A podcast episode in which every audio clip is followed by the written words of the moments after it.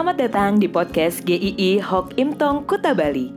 Penginjil Ray Reginaldi akan membagikan renungan harian singkat untuk membawa Anda mengenal dan menyembah Tuhan Yesus, bertumbuh dan menjadi murid Kristus, serta berdampak untuk banyak orang. Jika Anda merasa diberkati melalui renungan ini, silahkan bagikan podcast ini agar orang lain juga diberkati. Inilah renungan hari ini.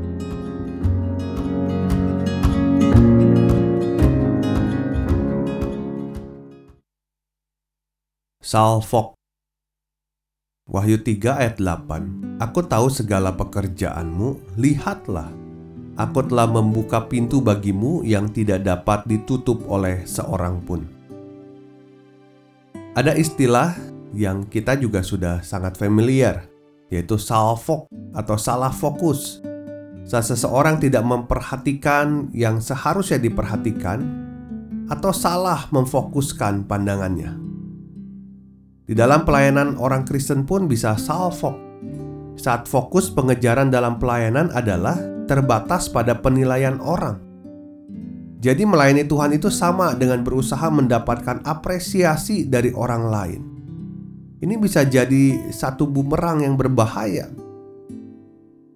Kita kadang merasa kalau sudah pelayanan lelah-lelah, capek-capek, orang tidak menghargai malah kritik, maka kita bisa kecewa.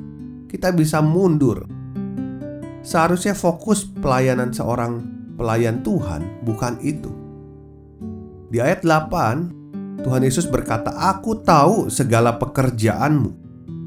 Semua yang dilakukan oleh jemaat Philadelphia, Tuhan tahu. Sama seperti keenam jemaat lainnya, Tuhan tahu, katanya. Aku tahu.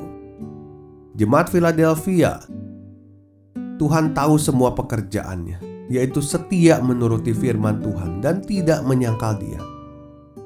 Mungkin ini terdengar biasa saja. Setia menuruti firman Tuhan, tidak menyangkal Dia. Namun, kalau kita menyelami keadaan jemaat Philadelphia, ini bukan sesuatu yang biasa. Mereka harus menghadapi tantangan dari berbagai sisi, baik dari sisi lingkungan non-Kristen maupun dari orang-orang Yahudi.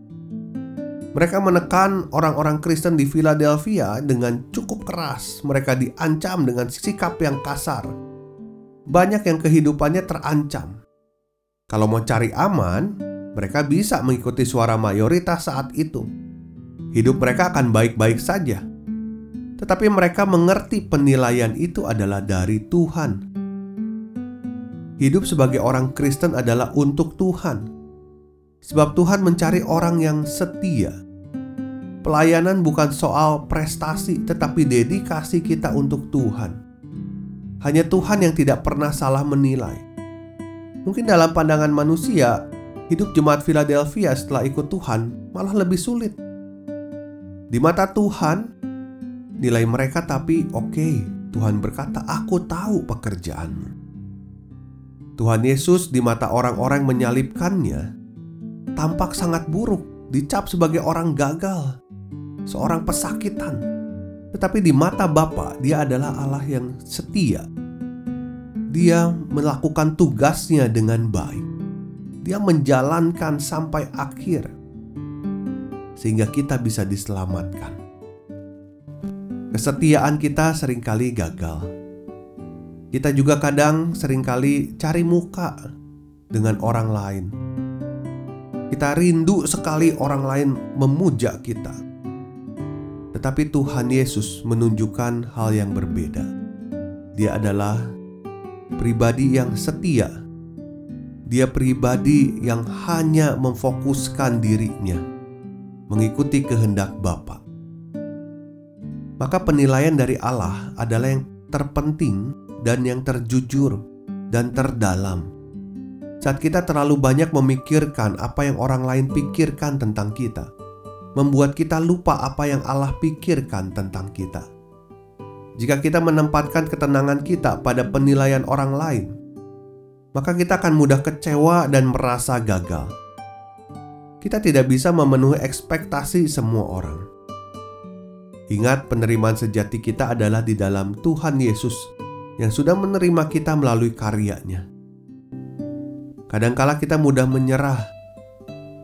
Kita nggak rela kenyamanan kita terusik, kita nggak rela diri kita dijatuhkan, diomong-omongin, digosipin. Ketika Tuhan melihat kehidupan kita masing-masing, apa yang Dia akan katakan? Aku tahu kehidupanmu baik, atau aku tahu kehidupanmu sudah terlalu jauh dariku. Biarlah kita boleh sama-sama merefleksikan diri kita di hadapan Tuhan.